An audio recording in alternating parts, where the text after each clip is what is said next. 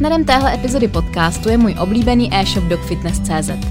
Všechny produkty, které u nich najdete, prochází přísným výběrem veterinářky Verči Gezerichové. Tu určitě znáte z některého z předchozích dílů podcastu, kdy jsme se bavili třeba o péči o pohybový aparát nebo o oblékání psů. Najdete u nich nejen kompletní výbavu pro psí sportovce a pomůcky na dog fitness, ale taky vychytávky pro nás páničky. Třeba jejich pamlskovník, ten mi asi za chvíli přiroste k pasu, protože ho nesundám fakt na žádné venčení už několik let. Tak pokud stejně jako já fandíte všem, kteří dělají svoji práci srdcem, vybírají pro naše psy skutečně to nejlepší a podporují také lokální tvůrce, určitě se na dogfitness.cz mrkněte. A je jedno, jestli máte doma akčňáka nebo psího seniora.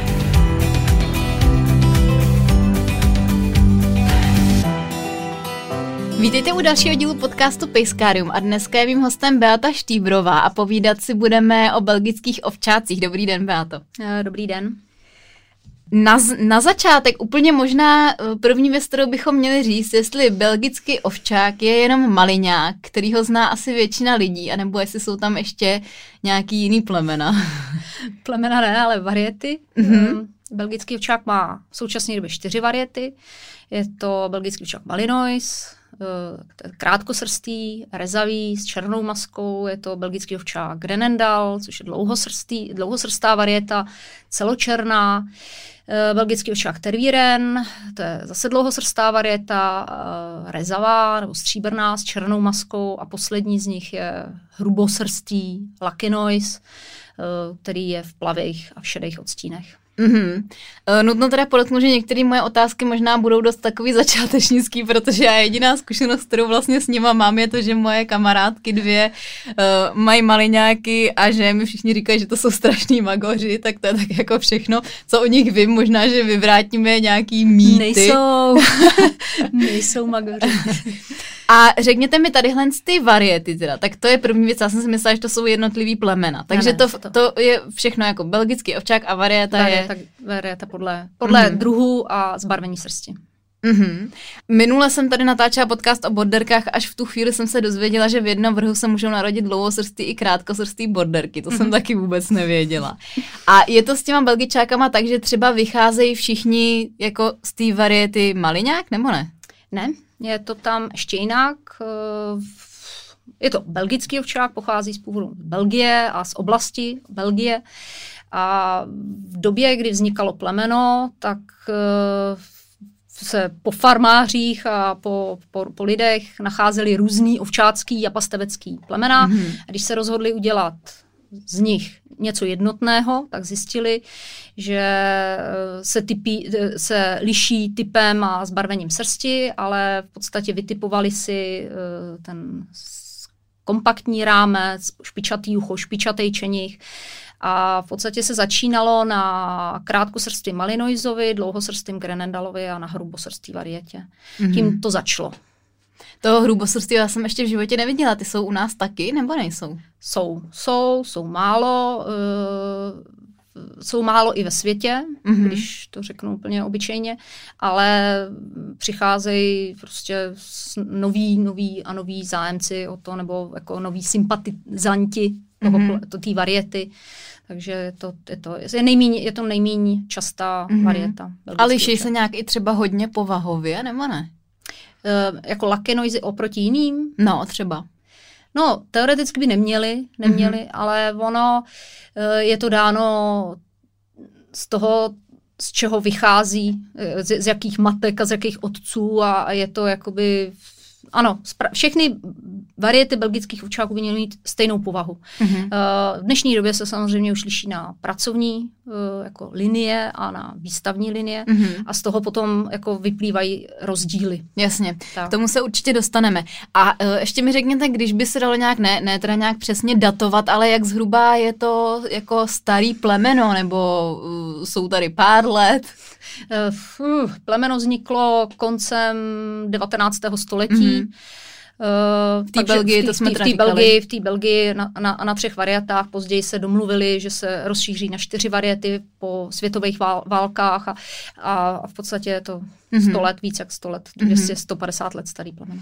A jaký bylo jejich původní využití, nebo co je takový mm, jako původní poslání toho plemene, protože to si myslím, že je věc, kterou nebo aspoň se tak snažím šířit tu myšlenku, že by na to člověk měl koukat, když si toho psa pořizuje, protože s tím samozřejmě souvisí potom spousta věcí do toho společného života. Tak co bylo tím jejich původním posláním, jak hmm. vznikly? Hmm. Belgický ovčáci pomáhali farmářům, pomáhali země, uh, ovcí, uh, pásli a hlídali stádo, hlídali i dvory zemědělských usedlostí, takže z tohohle byly to vesnický psy.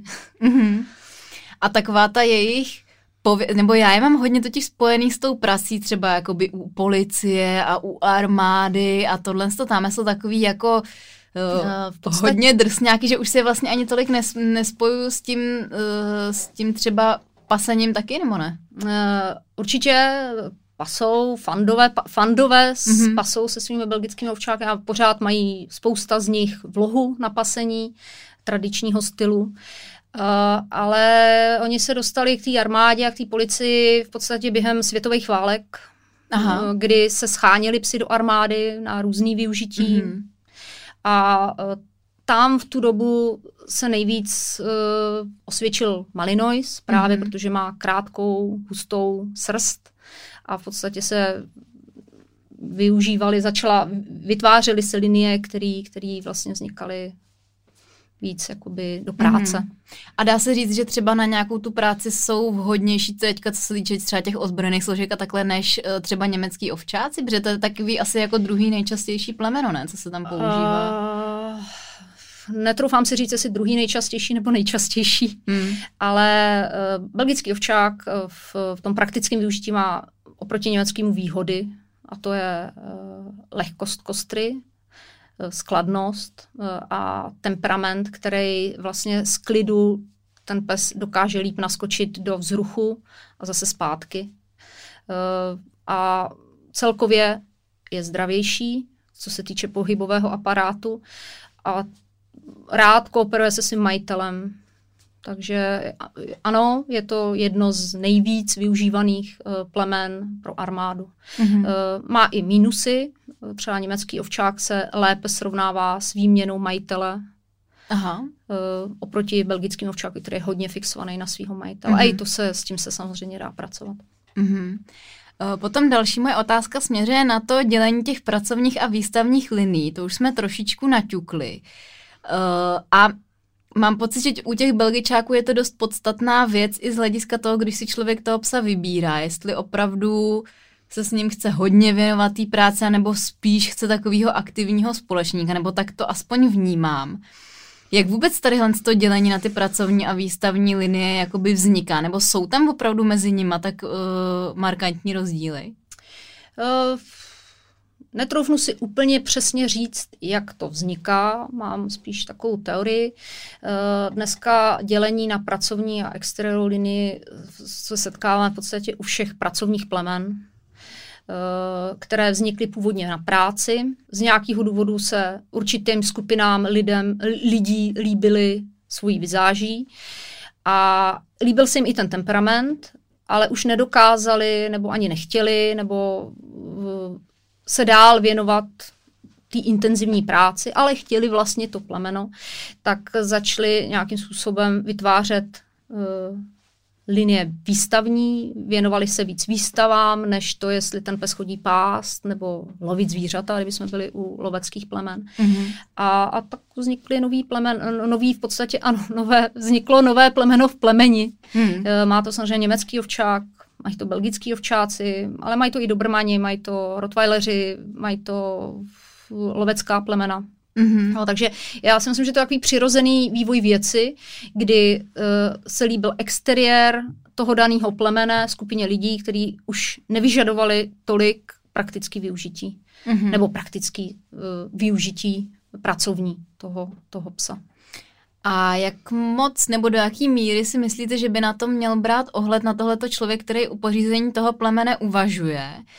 Uh, představím si, že když třeba ani neví člověk, že se dělí na tu pracovní a výstavní linii, tak možná si jako o něm toho ještě nezjistil tolik, ale pro koho by se třeba absolutně ta pracovní linie nedala doporučit a pro koho třeba naopak jo, Jo, představuji si, že když člověk bude uvažovat o tom plemeni vůbec, tak jakým směrem ty myšlenky v tomhle tom směru uh, nějakým způsobem třídit. Hmm. Já, já si nejsem úplně jistá, jestli se dokážu žít ještě do úplného lajka, ale zkusím to. Já když jsem si chtěla pořídit, nebudu se bavit o belgických ovčácích schválně, třeba lovecké plemeno, tak z nějakého důvodu. Pokud by jsem si ho chtěla pořídit, protože se mi líbí, vyzáží, tak si musím položit otázku, jestli s ním chci lovit někde a věnovat se myslivec nějakým aktivitám, anebo jestli ho chci mít jako kámoše, předpokládáme, vím už, že je to temperamentní plemeno, tak jestli s ním chci sdílet nějaký společný aktivní život a, a mít ho opravdu jako třeba člena rodiny a, a přitom třeba si můžu zkusit někde nějaký vlohy, jestli na tu lišku se koukne nebo na nějaký to zvíře se koukne, tak eh, to musím, v tom musím mít jasno. Jo? Mm-hmm. Samozřejmě může se stát, že uh, si pořídím exteriérového psa, a zjistím, že mě to vlastně strašně baví a že ho zvládám a, a ten exteriérový pes nebo výstavní pes mě uh, naučí s tím, s tím plemenem pracovat a, a třeba do budoucna už si vezmu toho pracovního, protože jsem k tomu jako nějakým způsobem víc přilnula. Ale taky se může stát, že si vezmu to pracovní, protože jsem měla nějakou ideu, že budu chodit po lese a že mě to bude bavit a, a, a najednou nemám čas, najednou to prostě přestává fungovat, zase mě to úplně nebaví tak pak mám zaděláno na problém, že jo? protože mám zvíře, který vlastně je genetick, má genetický předpoklad k tomu něco dělat, být aktivní, lovit, nebo kousat, nebo čuchat, nebo pást. A já se mu nevěnuju tak, jak má, takže jsme nešťastní oba. Mm-hmm. Jo. Mhm. A to nemůžu vidět do každého člověka, to každý člověk neví. Já bych nejradši řekla, že začátečník by si neměl brát pracovního psa, ale já si myslím, že to není pravda. Mm. Jo, ty pracovní psy bývají i v mnoha, v mnoha, v mnoha ohledech vyrovnanější, uh, můžou být úplně skvělí parťáci, jako ta výstavní linie ale na druhou stranu je potřeba s nima pracovat, něco dělat. A nejenom jako mě, když, když se ozývají lidi na šťátku, že by chtěli šťátko, protože uh, každý víkend chodí na hory, tak to není práce. To by mělo, na to jim stačí výstavní pes a budou všichni šťastní a, a ten výstavní pes splní úžasnou službu. Jo. Hmm. Uh, práce pracovního psa a opravdu ještě z těch echt pracovních liní, to znamená, že se tomu psovi budete věnovat každý den intenzivně, uh, budete zaměstnávat nejenom jeho hlavu, ale i tělo a budete ideálně s ním žít, protože belgický ovčák jako je náročný na uh, přítomnost svého majitele. Jo? Není to jako odložení v koci a, a nic s ním nedělat a, jednou týdně ho vzít na hory a pak se budu divit, že mi tam honí kamzíky, nebo já nevím, co všechno, prostě jak to nefunguje. Takže základ je, že pracovní linii by si měl brát člověk, který uh, má jisté zkušenosti, nemusí být úplně jako zkušený, ale chce s tím psem pracovat, má mm-hmm. nějakou představu o čase, má třeba i okolo sebe lidi nebo kámošku, která má nějaké zkušenosti a může někam víc a myslím si, že budou šťastní a spokojení. A výstavní uh, psa by si měl brát lidi, co třeba i přemýšlejí o výstavách a co je baví. Výstavní svět nemusí být negativní, jak někteří prezentují. Může to být fajn, i, i fajn společnost, pokud ten pes je tam šťastný a oni to umějí naučit, i to se všechno jako může stát. Každopádně já osobně si myslím, že pracovní plemeno by v první řadě mělo pracovat. Takže i ty výstavní by měly pořád být aktivní a pořád by měly být uh, ochotný s člověkem kooperovat, uh, aportéři aportovat, hmm. lovecký psy, když jim ukážete zvěř, tak by na ní měli reagovat, pořád by to mělo být to plemeno, akorát ty intenzivní smysly v něm pravděpodobně budou utlumený. Mm-hmm. No a ještě mi řekněte, jestli je něco, co se vám naopak na tom chovu třeba nelíbí, nebo jestli jsou tam nějaký slabiny. Teď nevím, jestli nebudu moc jako šťourat už někam, kam nemám, ale třeba je nějaká věc, co se dá zmínit. Ale jo, zašťouráme, zašťouráme, zašťouráme. Uh, nelíbí se mi, když chovatelé pracovních liní, pracovních maliňáků především, uh, upřednostňují barvu nad povahou. Uh, všichni mají rádi tmavý. Tmavý, tmavý, černý nohy. Ty jsou nejvíc Obliče. v kurzu. V kurzu, jo? mahagonový, Aha. rezavý, tmavý, šarbonáž, střední. Uh, a já si myslím, že to je špatně, že v momentě, kdy se chová pracovní plemeno, tak uh, ano, barva by se měla míchat nějak v rámci standardu a e, měla by se dbát úplně na jiný jako exteriérový kvality, jako je stavba těla, funkční stavba těla a atleticita a skoky, ale děsí mě, když někdo vybere krycího psa jenom kvůli barvě. A s tím, že třeba má taky dobrou povahu, ale v podstatě ta priorita najednou z té jako povahy a opravdovosti a rozpoznání kvalit toho psa skončí, skončí v barvě. Mně to přijde hmm. strašně absurdní. Já když se těch chovatelů ptám, tak oni mi řeknou, no já to potřebuji prodat, lidi chtějí ty tmavý. Ježíš, pro boha, lidi nechtějte ty tmavý, teď blondýny jsou krásný. Já miluju blondiáky, nedělám si legraci. Je to přece jedno, je to otázka jedné generace. Já rozumím tomu, že někomu se líbí víc tmavý pes a někomu světlý, ale když teda eh, dělám chov pracovních psů, tak bych se měl věnovat a tomu, aby to zvíře mělo především povahu povahu hmm. a zdraví.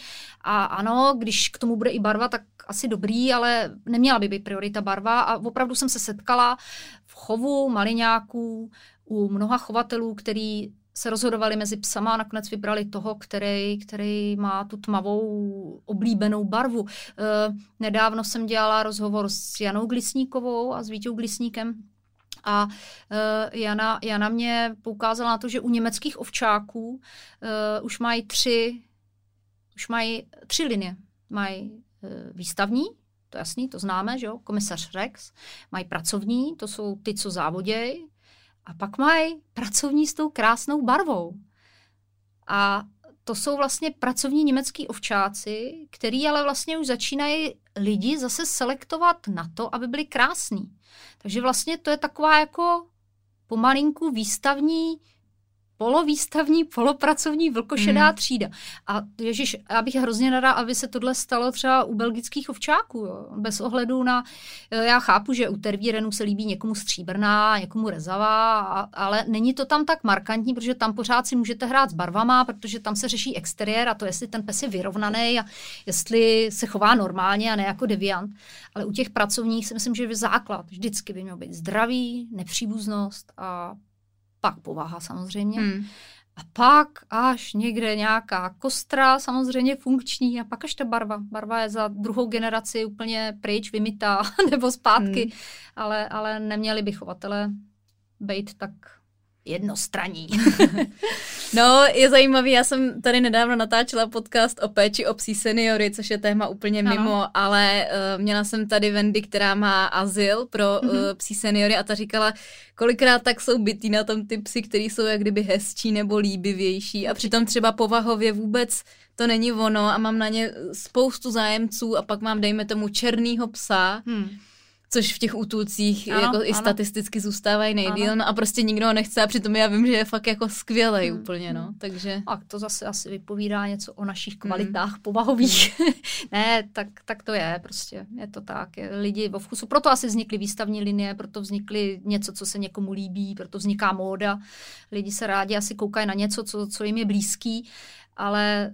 Uh, Je potřeba to asi vidět v nějakém širším kontextu prostě, no. Ale v chovatelském kontextu si myslím, že je špatně, hmm. když uh, chovatelé uh, jsou ovlivněný barvou výběru krycího psa víc než povahou. Hmm. Mm-hmm. A když bychom uh, chtěli vzít, takhle, chtěla bych se podívat jako na pozitivní a negativní stránku toho, když někdo o tadyhle z tom plemeni uvažuje. Jako já si třeba nedokážu, já mám retrievera 10 let, takže já si absolutně nedokážu představit jako co to je, kdybych se rozhodla pro Belgičáka a nějakým způsobem se mi to jako vymklo z rukou, jo? že bych si řekla, jo, tak ale to nějak dám, mám tolera, to je skoro jako borderka, takže to je aktivní plemeno a takhle. A pak bych zjistila, že třeba na něj nemám tolik času, nebo že to jakoby nedávám. Eh, zajímá mě to ve smyslu toho, co tam je jako za riziko. Proč se opravdu nad tím člověk musí, musí zamyslet, jestli si takovýhle obsa pořídit nebo ne? Já mám ještě trošku odbočím. Eh, já si myslím, že když je člověk normální, tak je úplně jedno, jaký ho má psa. Mm-hmm. Jo, když jste normální, když komunikujete s tím psem normálně, když něco sdílíte, tak ten pes bude normální taky. E, někdy se stane, že normální člověk si vezme deviantní štěně a je z toho nějaký průšvih. To se může stát. Ale většinou mám zkušenosti s tím, že když je člověk normální a ten, tak to štěně se mu přizpůsobí. Hmm. Uh, umím si představit, že si dokonce vezme pracovního pse i normální důchodce, nebo mm-hmm. i normální like, když s ním bude komunikovat, když mu dá normální pravidla a vytíží ho nějak, tak ten pes se mu přizpůsobí. Jo? Umím si představit, že člověk, který má retrievera desetiletýho, tak se vezme štěně. Bude s ním veselý, bude s ním sdílet své zájmy, bude s ním aportovat, bude vymýšlet kraviny, bude s ním v bytě a ten pes bude normální. Mm-hmm. Samozřejmě uh, belgický ovčáci, protože jsou, uh, jsou temperamentní psy, tak uh, veškeré své emoce jsou jsou v nich intenzivnější. Mm-hmm. Jo? Když se belgický včák bojí, tak to všichni poznají. Mm-hmm. Jo, když je belgický ovčák dominantní, tak to taky všichni poznají. E, má rychlé reakce. E, v dobrém i ve špatném slova smyslu. Takže určitě se hodí víc pro temperamentní lidi, protože já, si, já znám lidi, kamarády, kteří mi říkají, abych belgičáka nemohl, abych z něho byl nervózní, jak tady pořád chodí. Jo, opravdu jsou lidi, kteří jsou rádi, že přijdou domů a pes se někam uklidí a oni mají klid. Mm-hmm. Belgický ovčák s váma v domě jakýkoliv, jakákoliv varieta, jaká, jakákoliv linie s váma bude chodit čůrat, bude s váma vařit, uh, pokud mu nedáte pravidla, poleze vám po stole, ale když mu je dáte, tak on mm-hmm. po něm nepoleze a bude se s vámi válet, když ho to naučíte. Jo, ale u belgického ovčáka je riziko to, že vás bude fakt jako bezmezně milovat a bude vám stínem a, a bude s váma chodit všude. Uh, taky se může stát, že ne. Jo, že vás neveme, že dominantní pes si bude dělat, co chce a vůbec s váma nebude chtít, protože mu okolí přijde zajímavější než vy. A to už jsme u toho, že ten člověk třeba není úplně normální, jo, nebo ta komunikace s tím psem není úplně normální a pak to třeba nefunguje. Jo. Ale já si myslím, že když je člověk normální, chce mít temperamentního psa, chce se věnovat nějakému ze sportu, který ten pes uh, jako umí nebo dělá, Eh, a vezme si štěně, tak si myslím, že to štěně se mu přizpůsobí a bude s ním fungovat, když ho mm. vytíží mm. a když s ním bude dobře komunikovat. Samozřejmě ve vrhu můžete mít štěně, který je extrémně dominantní, může to být dominátor, pes, který si nenechá foukat ani od chovatele, ani od své matky.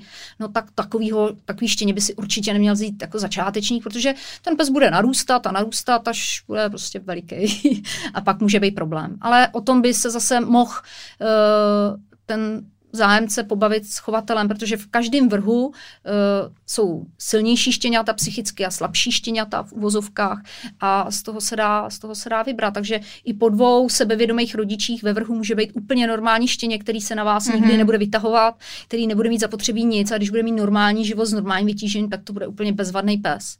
Ale může tam být samozřejmě i pes, který jako je dominantnější a vy se s ním pak budete prát, kdo bude do dveří, kdo, kdo jako bude co dělat a, a budete muset dělat kompromisy navzájem a samozřejmě ten život nebo ten začátek, určitě ten začátek bude obtížnější. No, protože ono, když já jsem zveřejnila to, že s váma budu ten podcast na, natáčet, tak mm, přišla řada dotazů právě o tom, jestli opravdu jsou to takový magoři a až to jako znělo, že vlastně e, a i to tak na mě někdy působí právě, ne jakoby z toho okolí, ale když třeba vidím někde nějaký diskuze, že, že pomalu je to nezvladatelný pes a že kdo si ho pořídí, tak musí opravdu se na to připravovat roky a že to musí být jenom silní jedinci, ale ve finále asi uh, opravdu záleží o té individualitě a o tom, jak je člověk otevřený tomu nějakým způsobem s tím sem soužít, že jo? Tak, Protože tak, tak. Mně se teďka vybavilo, že já jsem uh, se seznámila s přítelem, nebo natáčela jsem tady asi před půl rokem podcast o bůl plemenech, kde mm-hmm. jsem prohlásila, že rozhodně bych žádného takového psa v domácnosti jako nemohla mít, že to totálně není můj šále kafe. A uh, Potom jsem se seznámila s klukem, který má Stafforda, takže eh, jakoby odříkanýho největší krajíc. No a já jsem vlastně za těch pár měsíců zjistila, že to je jako hrozně milý pes, i když je to úplně jiná nátura, než na kterou já tak, jsem zvyklá v souvislosti s retrieverem. Tak že to má sedli. i svoje kouzla, jo, a že jsme jasný. si jako sedli a že ten pes je fakt jako zlatý, jo. A psala mi potom spousta lidí, no vidíš, oni si tu lásku dokážou úplně jako vynutit, takže uh, asi opravdu to hodně souvisí s tím přístupem, no. Souvisí to s přístupem a hrozně ráda bych, aby tenhle podcast zazněl, tak kupujte si maliňáky, jsou hodný. Jasně. Prostě radši nekupujte. Jasně, jasně. Ma- maliňák není hodný nebo zlej, záleží, co s ním děláte, jak se k němu chováte a, a jak s ním pracujete. Hmm. Jo, tak to je.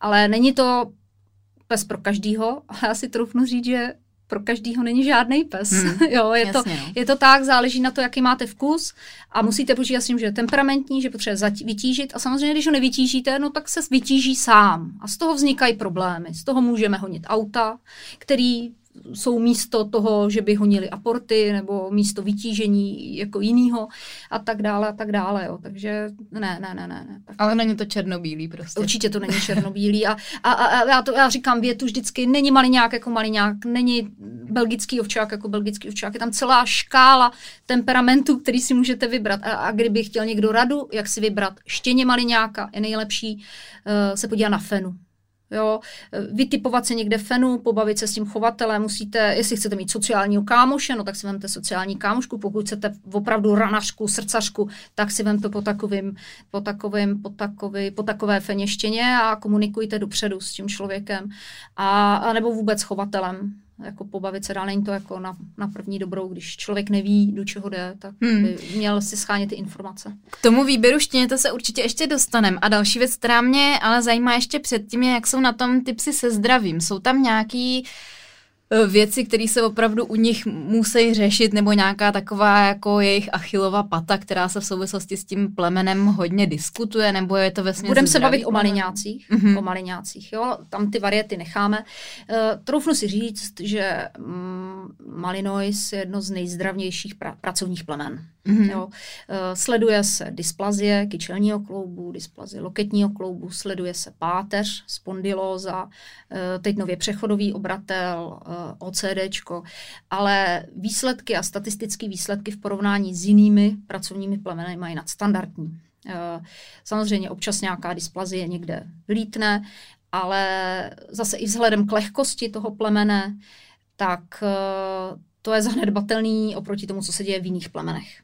Mm-hmm. Jo? Uh, takže troufnu si říct, že belgický ovčák Malinois je zdravé plemeno. Uh, nově uh, se testuje geneticky na ataxie, což je nemoc, která je smrtelná, probíhá v rané fázi štěněcího věku a v podstatě to štěně umírá. Je to nepříjemná záležitost pro chovatele a dneska už je znám jakoby testování genetický u dvou forem ataxie ale i tak eh, v té populaci, i když to v populaci, ta mutace v populaci maliňáku vznikla, tak není tolik rozšířená, aby se jí jako majitel se jí vůbec bát nemusí, protože to je, to štěně nikdy nemocný nebude mm-hmm. a chovatelé mají vlastně dneska možnost si to hlídat. Takže to jsou takové nemoci, které, které belgičáky mají s pohybovým aparátem a, a vlastně teď nově, nebo nově, mutace ataxie. Eh, občas samozřejmě můžou vzniknout nějaký, eh, jako nemoci srdce a, a dýchací problémy, ale oproti jiným pracovním plemenům je to zanedbatelné mm-hmm. číslo. Takže nejsou vyloženě něčím nejsou. zatížený, ne, ne, že by ne. to... Je, to... Je to opravdu zdravé plemeno. Je. Dobře, a uh, teďka teda se pojďme vrátit k tomu výběru toho štěněte. Uh, na co by teda člověk vůbec měl koukat, když už se pro toho psa rozhodne, uh, je srozuměný teda eh, s tím, že je to aktivní plemeno a tak dále. Co jsou takové věci, na které je třeba dát pozor. A je mi jasný, že samozřejmě spousta těch věcí bude všeobecných a bude platit pro, pro uh, jakýkoliv plemeno a nevím třeba do jaký míry se vyskytují belgičáci bez papíru nebo ne a uh, možná bych trochu chtěla apelovat na to třeba, jak velký to může být průšvih, když si člověk toho psa bez papíru pořídí nebo uh, jak tohle um, u nich vypadá. Začneme bez papírákama. Mm-hmm. I když už je to u belgického ovčáka taky, tak si myslím si, že, nebo co takhle vím, tak eh, ten nešvar není tak veliký. Z mnoha mm-hmm. důvodů. Uh, uchovnit papírového belgického ovčáka není takový problém. A tím, že jsou relativně zdraví, tak eh, těch bezpapíráků oproti jiným plemenům, vys border collie a vys třeba německý ovčák, je absolutně zanedbatelný. Jo, tak to jsem si myslela, že jich je hmm. spousta. Ne, teda. ne, ne jako, tak, jak to sleduju mm-hmm, a jak jasně. to sleduju v těch 26 let, tak, eh, tak je to zanedbatelný podíl oproti jiným plemenům. Oba dva kluby samozřejmě brojí proti bezpapírákům. Eh, vznikají třeba kříženci ovčáků a maliňáků, to ano, a ty jdou k ozbrojeným složkám jako F1 a ty se ale pak dál do reprodukce uh, už nepočítají. Jasně. A v podstatě splní účel užitkovosti, kdy dobře namíchaný ovčák s maliňákem ve finále jo. splní funkci. A že to, to je vyloženě nějaký jakoby účelový účelový, křížení. účelový křížení, mm-hmm. který pak prostě jde do výkopu do armády nebo k policii a, a splní mm-hmm. účel. Ale bez papíráku se dělá málo právě z důvodu toho, že za prvé to plemeno není tak populární jako border collie nebo německý ovčák. Není ani tak drahý jako border collie, tak uh, vlastně ani není důvod a nemá, nemá obtížnou bonitaci a nemá problém se zdravím, takže mm-hmm. není, není jako důvod dělat. A proč není dobrý nápad pořizovat si belgičáka bez papíru? Protože z nějakého důvodu vznikl. Hmm. Jo. E, to, když chováte štěně nebo chováte s průkazem původu, to znamená, že respektujete nějaký e, pravidla klubu, nějaký etický chovatelský kodexy, e, dokonce se zaručujete tím, že samozřejmě pes bude očkovaný, bude čipovaný nebo označený, bude odčervený, protože to všechno v těch kodexech těch klubů je. Eh, většina klubů doporučuje kupní smlouvy a všechno to funguje. Chovatel v dnešní době eh, je OSVČ, jo, vykazuje příjmy, takže eh, máte jakoby předpoklad, že to vaše zvíře neodchází z, z množírny. Jo. Bez papírových belgičáků si myslím, že je málo. Proč vznikají, jestli to někdo dělá kvůli penězům, tak už je to špatně, protože to už je špatně, to už je vlastně monožírna. A pokud někomu někde ulítla nějaká fena a tohle, no stane se, hlídat se by mělo, ale prostě nemáte záruky žádný, nemáte se čeho chytit. Jo. Hmm. Eh, a taky to nemusí být vůbec maliňák když je to, může to nakřížit, a teď nemyslím německého třeba i Rottweilerem od Badle a, a vypadá to chvilku jak maliňák, pak to vůbec ani nemusí odpovídat maliňákovi. Hmm. Ale říkám, cena belgického ovčáka není příliš vysoká, tak vlastně ta bezpapírovost tady jako jako tolik nevznikala. Hmm. A když vznikala, tak většinou u nějakých lidí, kteří jednou bez papírák, jednou papírák, tohle, ale většinou chov, cho, cho, klub, kluby si to pohlídali a, a nějakým způsobem to jako řešili.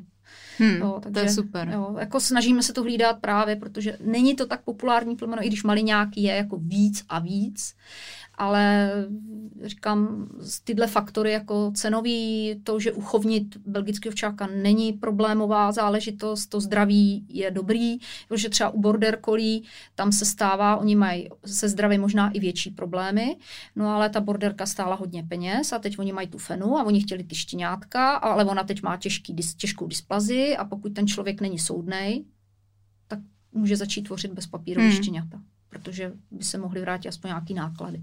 Ale myslím si, že takhle uvažuje v dnešní době uh, míň a míň lidí, naštěstí. Uh, doufám v to taky. Stejně se to vždycky uh, snažím zmínit a možná, a tak to je takový mýtus, který už snad teda nikdo, uh, nikdo nějak neudržuje při životě. Ale předpokládám, nebo teda předpokládám, že neznamená, že když si pořídím výstavní linii belgičáka a mám papírový obsah, takže s ním musím chodit na výstavy. Že jo? Ano, takže zopakujeme. jakýkoliv papírový pes nemusí chodit na výstavy.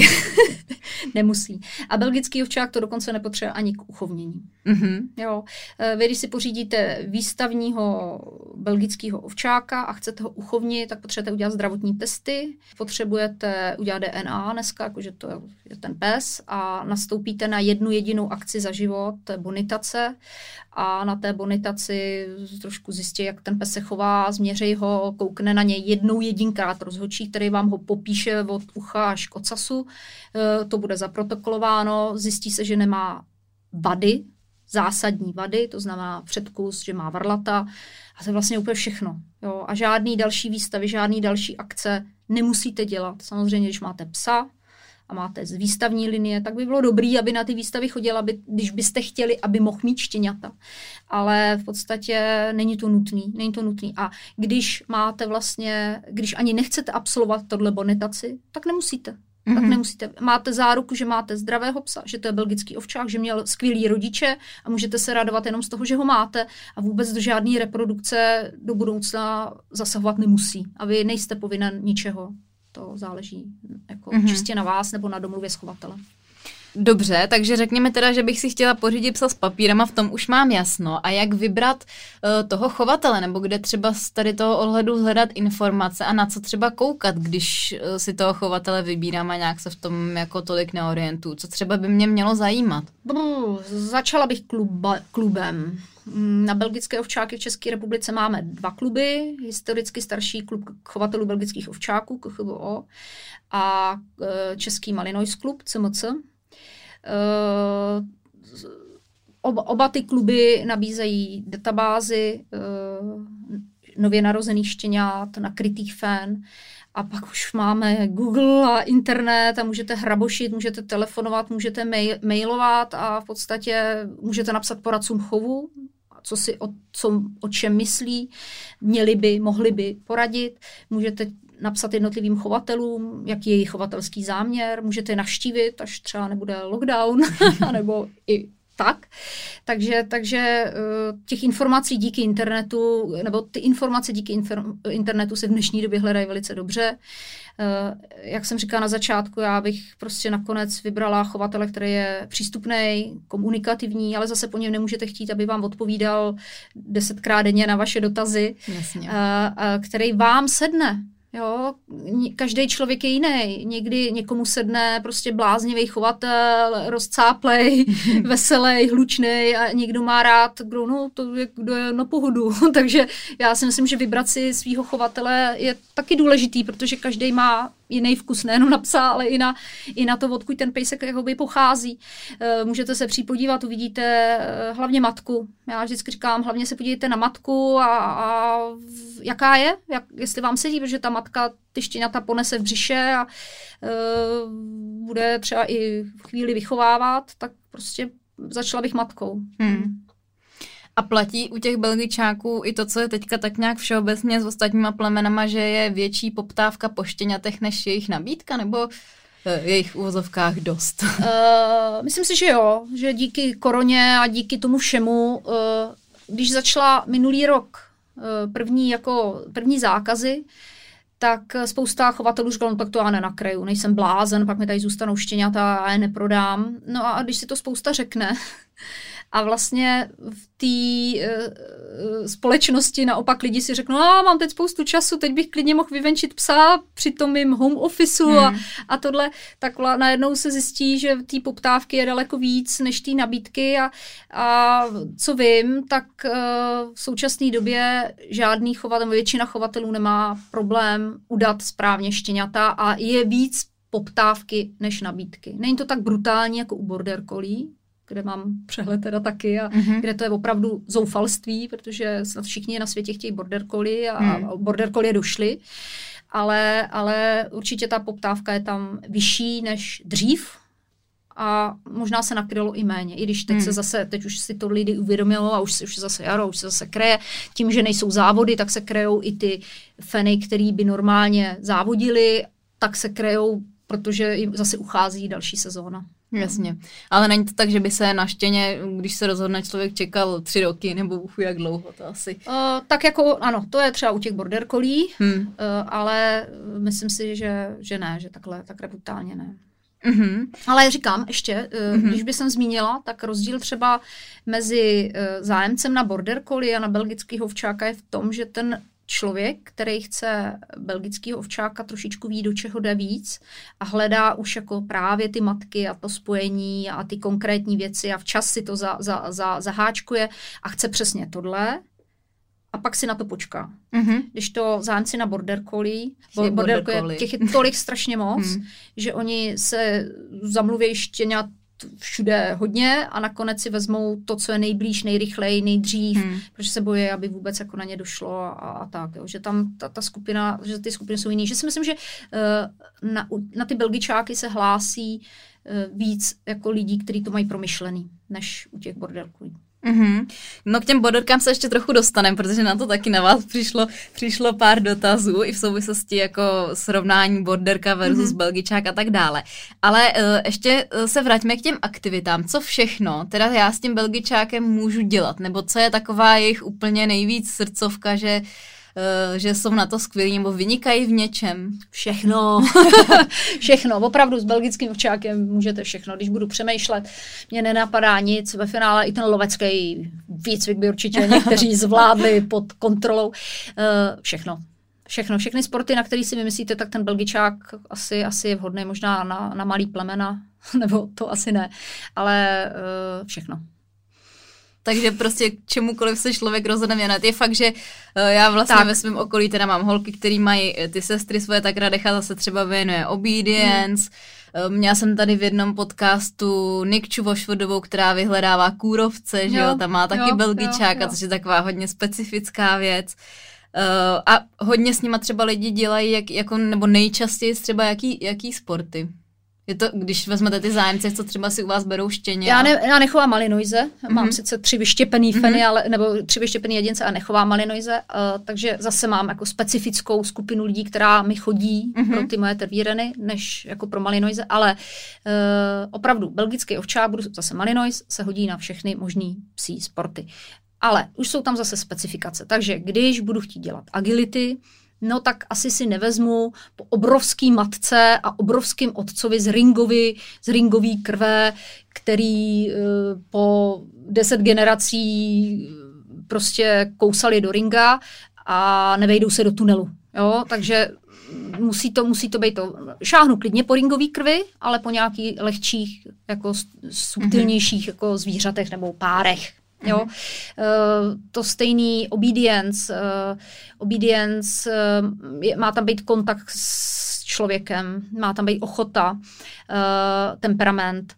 Uh, zase obedience s ringovejma, uh, jako jedincema nebo po ringových, tak tam, ta, to, tam to prověření té ochoty jako a radosti a temperamentu není tak veliký, hmm. protože tam v podstatě v ringu se jako plní úkoly, ty se udělat musí, eh, mají tam těžké překážky, tohle, tohle a pak je obrana. A je, ten pes má ještě jinou mentalitu, než tu, jakou má jakoby před víc mm-hmm. té mhm. poslušnosti. Ale to neznamená, že by pes ringový krve se nehodil na obedience, jo, to ne. Ale člověk by o tom tak jako měl přemýšlet. To, co se mu jako narodí, tak podle toho nějak jako uh, začít, začít fungovat. Uh, samozřejmě belgičáci milují obrany, správný belgičáci milují obrany, eh, kořistnický put, aportujou, rádi koušou, eh, rádi by pásli, Jo, i věřím tomu, že i pracovní jako linie, čistě pracovní, by pásly pod nějakým tlakem a dobrým vedením a velice dobře mají ten fokus, mají ty vrozený vlohy stále, mají to i výstavní linie, takže, takže prostě co si můžete vybrat. A na agility určitě super, jo, když jsou zdraví, jsou lehký, takže z lehčích tak agility, dog frisbee, jsou to aportéři, skokani, takže klidně dog frisbee, flyball, mm-hmm. jo, jako určitě všechny. Ve finále mašingové sporty se začaly dělat s belgickými těmi ovčáky, takže jako opravdu všechny sporty, co si tak jako nevím žádný, který by asi úplně nešel. Asi do uh, deseti spřeží na dlouhý tratě do sněhu by se nehodili. Jo, oni jsou spíš sprinteři, takže samozřejmě vytrvalostní, uh, intenzivní, uh, jo, nebo tady ty mašinkové sporty, to asi pro ně úplně není, ale klidně to dělat můžou. Mm-hmm. pokud se tam nepoperou a pokud, to pokud jim to vysvětlíte, tak tak tak, no. Uh, no a eh, co se týče těch ostatních variet, jsou nějaké věci, ať co se týče třeba v té vhodnosti pro sporty nebo toho zdraví, v čem se jako víc slyšej, nebo jsou tam nějaký rozdíly, kromě toho typu srsti a tak dále? Uh, v čem se liší jakoby malu, malinois a Ty ostatní, ostatní variety, variety jako ve vztahu k těm maliňákům? Uh, no. Liší se hodně v tom, že mají uh, uší pracovní linie, uší jako eh, maj, je, převládá u nich výstavní linie mm-hmm. oproti pracovním liniím. Mm-hmm, I Grenandalové mají své pracovní linie, čistě pracovní, i tervírení mají svoje čistě pracovní, ale to gro v tom světě je populárnější víc eh, v té výstavní linii. Uh, tam to asi zase vzniklo historicky, protože do té dlouhé srsti, no tak i ty bodláky do toho jde víc a všechno a prostě ta manipulace. Hmm. Eh, a ta, ten maliňák, i když je krátkosrstý, tak pořád ta srst jako je odolná a funkční v podstatě víc než u těch dlouhosrstých, protože když je velký vedro a máte nachlupacenýho psa, samce, tak vám prostě bude pracovat hůř hmm, než jasný. krátkosrstý plemen. Prostě bude, jo. I když někdo myslí, že ne, tak bude, jo. To tak prostě je daný. A samozřejmě feny jsou na tom líp, jo. Ale podle mě eh, někde na začátku to byla ta srst, která předurčila toho maliňáka víc k práci. Ale to neznamená, že vám jiný variety nebudou pracovat.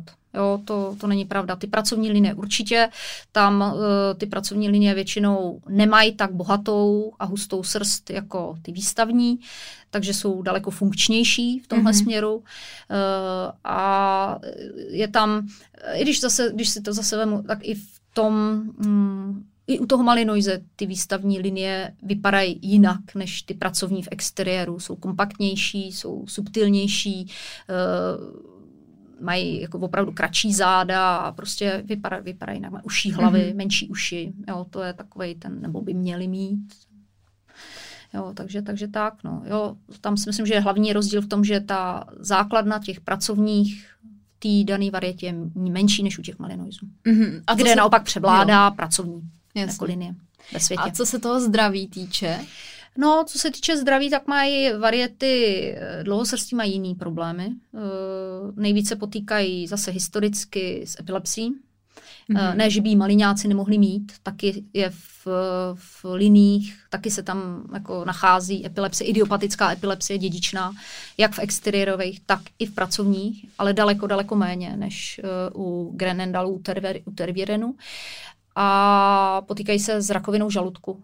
Oboje dvoje vzniklo historicky v dobách, kdy v 70. a 80. letech, kdy uh, působili plemeníci, kteří měli tyhle problémy a působili velmi jako intenzivně v, celý, v celém chovu, v celé populaci a do dneška uh, tam občas z nich něco jako vyskočí, když to řeknu úplně laicky. Jo?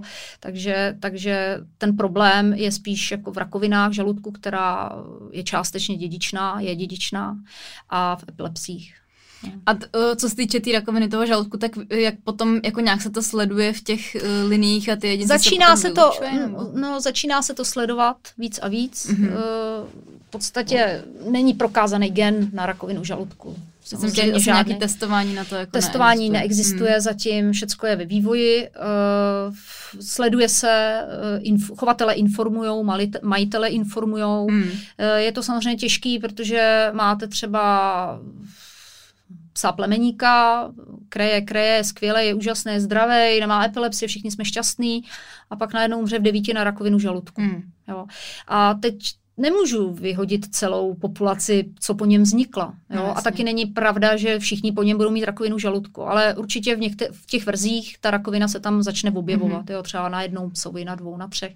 Jo? Takže ono těch nemocí a tady toho sledování je tolik, že je potřeba, potřeba se na to koukat jako trošičku s nadhledem, protože jinak by se člověk zbláznil a nemohl chovat a, no, a nemohlo by to fungovat. Jo. Ale uh, ptala jste se na nemoci a troufnu si říct, že to, co trápí dlouhosrství variety, eh, ex, většinou výstavní linie, u těch mm-hmm. pracovních tam samozřejmě nějaký rakoviny, ale to je u všech psů, to je v podstatě u všech lidí, že? to Jasně, je no. celosvětový problém, tak je to uh, ta rakovina žaludku, která je dědičná a je to epilepsie, která je dědičná. Takže mm-hmm. to jsou takový, ty, a samozřejmě dysplazie a takovýhle, jakoby, ty, ale jsou stejně málo zatížený jako malinoizy, dysplazí. Jsou tam určitý linie, kde občas něco vyskočí, ale není to žádný problém oproti tomu, eh, jak třeba v jiných plemenech. Hmm. Další otázka, co se taky párkrát opakovala a přijde mi, že to je samozřejmě taky hrozně individuální, ale maliňák v bytě, jde to nebo to je úplně nepředstavitelná kombinace. Jde to, jde to určitě. Mám pocit, že některý lidi mají pocit, že když je pes u, v baráku se zahradou, tak to automaticky znamená, že bude šťastný a ve finále to může být mnohem víc nešťastný, než ten, který je v bytě, že to je zase u přístupu těch lidí. No, jde to, Ale... určitě to jde. Já ve finále své psy mám přes noc zavřený taky doma v domě, že já nebudu v noci poslouchat, tak hlídají a štěkají zbytečně. Ne, určitě uh, jde to, jde to. Ale musíte si to psa vychovat a zase v tom bytě musí mít pravidla odštěněte, že v bytě se tady v této místnosti cvičí, tady se válíme, tady odpočíváme, tady žereme. Prostě musíte nastavit pravidla a ten pes tam musí do toho bytu přijít unavený nebo jako vytížený zvenku nebo z nějaký činnosti, jo, než, než aby tam se nechoval jak kretén. Prostě tak, tak, to je, jo. Ale samozřejmě, když mám psa doma venku a pak ho vezmu do bytu, tak začne lítat a koš a tohle a linka, jo, co tady a tady zajímavých věcí. Jo. Hmm. Je to o výchově. Je to o výchově. Uh, všechny štěňata různých plemen, většina štěňat různých plemen koušou věci. No tak samozřejmě maliňák, když je to takový kořistník, tak bude samozřejmě kousat. No tak eh, než ho to naučíte, tak dáte všechno do úrovně, aby to tam nebylo. Eh, dáte mu, vymezíte mi prostor, kde může být, kde nemůže být. Eh, využívají se klece, jo, není na tom nic špatného, když ten pes tam není 24 hodin, ale prostě když má omezený prostor a on se pak naučí klidu, tom, v tom bytě. Většina normální, to by se zase museli mít nějaký deviantní mm. štěně, mm. což se samozřejmě může stát u všech plemen, ale většina normálních maliňáků, belgických ovčáků v bytě dokáže žít. Mm. Za pár pokousaných věcí a tak. ale i bez toho, i bez toho. Jsou zase, já mám zvířata třeba z pracovní linie a v podstatě kromě jedný mi nikdy nic neničili hmm. doma. Nic je to ani na pomoc, takovou šou toho svého plišáka, svého dudaj a netrhali nic, necupovali, nechodili mi na různé věci. Oni měli svoje hračky a byli zvyk, nebo jsou zvyk, jako, jako mladí, hmm. tak to, tak jsou, to jsou zvyklí. Jedna ta fena je taková víc jako destruje, ale třeba moje výstavačky ty daleko kousaly víc jako mladý, jo. Takže to, je, je to individuální, hmm. je to individuální. Prostě se to nedá jo, tak, tak, nedá hmm. se to takhle. A někdy ten třeba e, i na to destruování e, má vliv mentalita toho psa psa. Nejenom jestli je pracovní nebo není. Když ten pes je vyrovnaný a pes páníček odejde pryč, no tak si vezme svou hračku, sožere, válí se, něco si kouše svýho, ale pak když máte vypsychlýho psa, a to je jedno, jestli to je zase výstavák, pracák, belgičák, tak a on má jako fobie z toho, že najednou je sám a opuštěný a, a, a začne se sám jako točit, tak vám toho zničí daleko víc. Jo. A to může být ten sibirský husky, co je na videu tamhle a na tamhle tom videu, hmm. jak zničí sedací soupravy. Hmm. Jo, takže tam to, to, je zase to individuální. Jo. Jaký, jak, jakou mentalitu má váš ten pes, ale hlavně jak ho vytížíte a pak jako když přijdete z té práce, jestli ho hned vezmete, začnete řádit, jo, nebo jestli zase uděláte jenom kolečko okolo domu a zase dáte do toho bytu. Takže je to, je to, je to, je to individuální. Mm-hmm. No a pojďme se dostat k těm borderkám, protože samozřejmě spousta uh, lidí, co mě sledují, tak vědí, že uh, ve vašem životě jsou i borderky, takže na to přišlo pár dotazů. A mě teďka, jak uh, jste říkala o tom bytě, tak mě napadla úplně první otázka a to bylo, um, když jsem tady natáčela podcast o borderkách, tak jsme se bavili o tom, že je důležité, aby ten pes uměl i odpočívat. Mají tohleto uh, belgičáci taky, že by člověk měl dávat pozor na to, aby je naučil uh, i nějakému klidu a nebylo to zase, že se mu dá tak strašně moc aktivity, až ve finále vlastně je to možná příliš? Určitě. A zase, to mají všechny plemena, hmm. ale samozřejmě ty temperamentní, ty pracovní, tam je to víc potřeba. Jo, ty, ty jako oni, ty opravdu pracovní plemena, co chtějí pracovat, ty jsou schopní umřít v té práci. Jo. Bordery určitě při pasení, ale jsou psy, kterým, když je budete chtít zabít, tak jim budete házet míček na louce. A bude to házet, a bude to házet, a oni budou nosit, a budou běhat, a házet, házet, házet. A po tři čtvrtě hodiny zjistíte, že když jim ho odeberete, tak skolabujou. Hmm. Protože, a ne, že by se přehřáli, jako že by měli nějaký problém. Oni prostě nemají absolutně stopku a jsou schopní jako makat až jako do až jako do. Takže určitě. A ten klid právě by měl být naučený klid v autě, klid v bytě, klid, když já chci nic nedělat, určitě. Jo, je to stejný jako u těch border collie. A zase každý pes to má jako jinak ještě. Mm-hmm. A možná rozdíl ještě uh, ten belgičák oproti bordeře, základní rys je, že belgičák je opravdu přirozeně, až na výjimky, uh, nafixovaný na svého majitele. Mm-hmm. Border collie je víc nezávislá. Ona je závislá na té práci. Teď se bavím o ideální pracovní bordeře a ideálním pracovním belgičáku. Nebo ideálním, prostě tak. Uh, ta borderka uh, je víc závislá na práci, přirozeně na tom pasení, na tom fokusu, na tom vyhledávání činnosti, zaměstnávání mozku, i klidně bez ohledu na majitele. Mm-hmm. Belgičák jako štěně chce toho majitele hodně, hodně, hodně. A pokud ten člověk neudělá chybu, tak má prostě toho psa na sobě jako nataženýho a pak samozřejmě můžu vytvářet práci a tohle to chce pracovat, ale mm-hmm. chce tam toho člověka. Bordera eh, celkem rychle, samozřejmě Bordera taky miluje svého majitele, ale pokud to není vyloženě nějaká cítě, tak když tu borderu naložíte někomu jinému a ten tý bordeře dá jako práci a tu intens, tak se z toho zhroutí míň, než třeba ten belgický ovčák. Mm-hmm. Jo, teď možná nebude někdo úplně souhlasit, koho se to třeba může dotknout, ale, mm. ale tak, tak to vidím já. Já jsem si připravovala borderku na ZVV jedničku, eh, ráno přijela kamarádka, naložila si ji do auta a udělala ZVV jedničku. Úplně mm. bez nějakého jako větší přípravy, ona ji znala, párkrát spolu trénovali, ale prostě tak to pak mi zase přivezla, dala mi zaplot a, a prostě tak to, tak to bylo, ona to vůbec jako neřeš. Asi by to s Belgičákem taky šlo, ale myslím si, že u těch border je to jako jednodušší. Mm mm-hmm. oni prostě to tam mají ještě trošku šouplí jinak. No. A vy jste měla první borderku nebo belgičák? Belgický ovčáky. Mm-hmm. A e, čím vás teda uchvátili ty borderky, nebo proč zrovna, zrovna tadyhle ta kombinace, proč Ničím. ty plemena? ničím. Jsou to vořeši.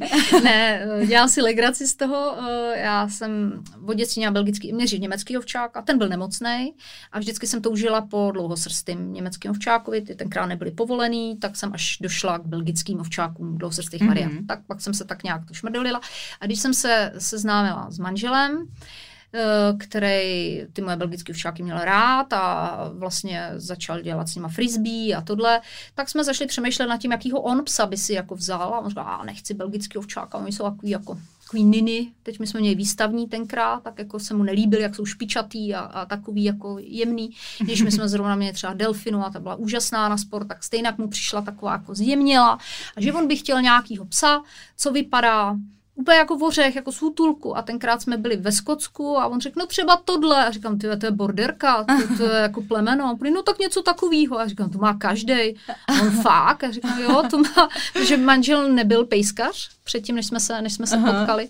Takže, takže to, tak jsme rozhodli. Říkala, no, Ty, tak to jo. jsem ani nevěděla. No, tak jsem se říkala, no tak teda pořídíme borderku, no, tak pořídíme borderku, tak jsme pořídili borderku. A jsou úžasný, jsou, já mám strašně ráda, mám ráda bordeří miminka, protože oni jsou takový morčata, jsou úplně, nekoušou mě tolik, oni koušou, ale málo, jsou takový jako jiný, mají uh, jinak rádi lidi, všechny lidi mají rádi, jo, je to takový jako, mám, mám je ráda, mám je ráda, ale vůbec to nebyl žádný záměr, vůbec jako jsem ne, ne, nechtěla borderku, ani by mě to v životě nenapadlo, já jsem taková, jako věrná, že když si, když jako si vymyslím jedno plemeno, jo, tak nepotřebuji mít další. Sedli jsme si s belgičákama, takže, takže, takže bordera jako něco navíc, ale mám je ráda, mám je ráda. Což vlastně se možná nabízí otázka, jestli se ty belgičáci třeba hodí do domácností, kde je víc psů, jestli jako... Určitě méně než bordera. Mm-hmm. Jo, uh, jsou určitě méně než bordera. Uh, belgičáci můžou žít ve smečkách, mají tam nějaký jako své hierarchie, ale samozřejmě, když máte dominantního maliňáka, druhého dominantního maliňáka, třetího dominantního, nebo nemusí být ani dominantní, prostě samce, tak vy musíte být hodně dobrý šéf toho všeho, abyste to ukorigovali. A i tak to musí mít nějaká pravidla. Mm-hmm. Jo. E, borderky asi zase z historického hlediska, to pasení, oni, není to tak starý plemeno e, a i jejich mentalita je citlivější, jemnější, e, tak se snesou samci líp a samice líp a všichni dohromady se snesou dobře a samozřejmě může být někde nějaký jako dominátor, ale není to nic tragického, jako, jako u, by mohlo být třeba u těch belgických mm-hmm. ovčáků nebo mm-hmm. německých ovčáků, hlavně mariňáků, o těch se bavíme třeba z pracovní linie. Eh, můžou spolu být, můžou být spolu na volno, ale musí to mít pravidla. Hmm. Jo, u borderky vezmete jeden míček, vezmete si 20 border a začnete jim házet míček a, a jeden vezme míček a zbytek bude pás. Jo. U belgičáka vezmete jeden míček a ten první ho chytí a tam ty se seperou a, a můžete jít domů. Jo. Takže Jasně. ono, je, jo, jo, je, je, to, je to určitě rozdíl. Mm-hmm. Ale to neznamená, že nemůžou, ale musíte mít, musíte mít pravidla a vy musíte být lídr toho všeho. Mm-hmm. No. A pak se někdo ptal ve srovnání Belgičák versus Borderka, co se týče opravdu toho pracovního využití. Jaký jsou tam nějaký jako zásadní rozdíly. Já nevím, teda jestli to teďka máte doma rozložený, takže někdo sportuje jenom s Belgičákama, ne, ne, a ne. Kuba má třeba jenom ty borderky a tak, ne, ale jako... Ne, Kuba už má dalek, dávno radši be, be, belgičáky, ale má borderku na Agi jednu a, a, a tu tervici teď má na to, ale mm, uh, já teď něco řeknu pro majitele border. Já si myslím, že jsou chytřejší. jsou chytřejší. Ale není to vůbec žádná výhra. To bych mohla dát jako takový clickbait titulek, je chytřejší borderka nebo maliňák. No, ne, to, to, to nemyslím ani, že by byli, maliňáci jsou, belgičáci jsou chytrý, je to určitě jako výborný plemeno, tak jako ostatní, ale ty bordery, ty opravdu jsou koumaví, jsou, viděj za roh, každou vaši chybu vám vrátí ještě jinak než ten belgičák. Um, oni opravdu vytvářejí domněnky. Mm-hmm. Vy něco naučíte, naučíte to špatně, říkám, výborně, tak to je ten cvik, vy to opravíte, výborně, to je druhý cvik a teď mm-hmm. prostě takhle to mají. Takže jsou citlivější jsou daleko citlivější. Hodí se taky na všechny možné sporty, ale samozřejmě jejich fyzično jim nedovolí třeba tolik, co Belgičákovi. E, můžou dělat obrany, ale je to spíš sranda obrana. Jo, je to obrana na hru, na kořist. E, protože myslím si, že ani jako bordera, která úplně jako je dominantní a až jako tvrdá, si myslím, že by neměla být úplně jako v pohodě. Mm. Jako, že to není zase jako výhra uh, pro to plemeno, Jasně. ale na to hrát si na kořist a hlídat a kousat a tohle, tak si myslím, že dokážou určitě, určitě skvěle. Cvičej se jinak, cvičej se jinak než ty belgičáci. Belgičáci jsou přímější. To neznamená hloupější, ale přímější. Jim něco řeknete, a říká, fajn, dostanu za to odměnu, fajn, dělám to pro tebe, fajn, tak to budu dělat. Protože to má ještě jinak. A proč to takhle budeme dělat? a nešlo by to takhle dělat? Tohle je taky dobrý nápad. Hele, já udělám tohle, ty si říkáme, no, tohle, tohle bylo lepší. Ten, předtím si dala jinou intenzitu a takhle. To jo, takže je, je, je, to jiný, je to jiný, je to jiný. Ale to neznamená, že jedno je horší, něco je špatné. Někomu sedne víc belgičák, někomu víc bordera. Tak to je. A někomu a... retriever, a někomu dobrmán a někomu úplně pejsek jiný. No. Hmm. A ještě co se týče soužití s dětma, jako, jako porovnat? No, spíš mě teďka zajímají ještě víc ty maliňáci, nebo vůbec ty belgický ovčáci, jestli... Mm, když ono zase co jako rodinný pes, jo, to stejně tak může být retriever, který zrovna nebude mít třeba rád děti, když jasný, retrievery obecně mají jasný. rádi všechny lidi. Ale jak, jak tohle to mají? Uh, může být úplně normálně rodinný pes, uh, můžou mít úplně normálně milovat malí děti a malí ty, ale záleží. Uh, stává se, když si vezmete třeba štěně, uh, který vyrůstalo v kotci, uh, nezná děti, jeho rodiče taky neznali děti, nebo byli prostě jenom reaktivnější a vy ho vezmete do rodiny, tak třeba to dítě mu může líst na nervy, nebo nemusí jako s ním úplně být jako v pořádku. Jo. Uh, hodně naopak zase tam, kde vy, vychovávají i děti, ty štěňata, tak ty štěňata si na to zvyknou a pak ty děti mají rádi. Jo, přirozeně. O, okamžitě vlastně dáte k sobě do rodiny a oni přijmou ty vaše děti a, a všecko funguje jakoby dobře. Uh, správný belgický ovčák by měl být hodný ke své rodině. Jo, měl by uh, respektovat i děti, i celou rodinu. Samozřejmě, když je někdo hodně dominantní, tak to úplně nechce, to samozřejmě nemůže. Ale i ty, co jsou ostrý na cizí, tak tu svoji rodinu mají jako většinou rádi. Mm-hmm. Ale to neznamená, že když mám tříletý dítě a mám psa, který odpočívá v rohu, tak je tam prostě nechám. Když je tam nechám s borderou, tak ta bordera kousne a může to bolet, ale když to samozřejmě to je s velkým psem, tak to může být fatální problém.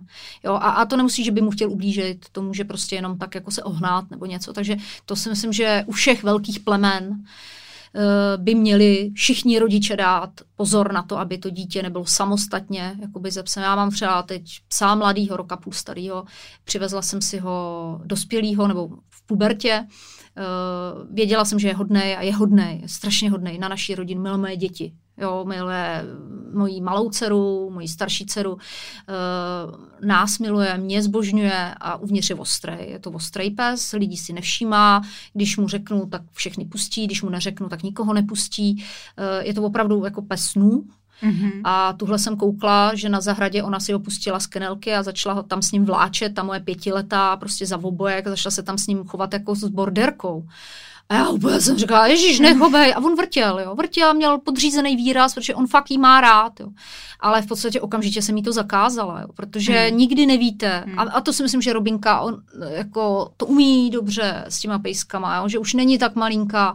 A ještě tam měla borderu, tak ona tak kibicovala, různě jako bouchala, ale ne jako ve zlým samozřejmě v tom dětském ale samozřejmě to psa jsem okamžitě jako stáhla, on byl úplně v pohodě, on tam nebyl ani náznak ve očích, že by něco, ale podle mě takováhle situace by se stát nemohla, protože pak i, i za cenu, že najednou by ho to začalo štvát a on ten vztah by přehodnotil. Jo. Já nikdy nevím, je mu roka půl, stát se může cokoliv. Jo.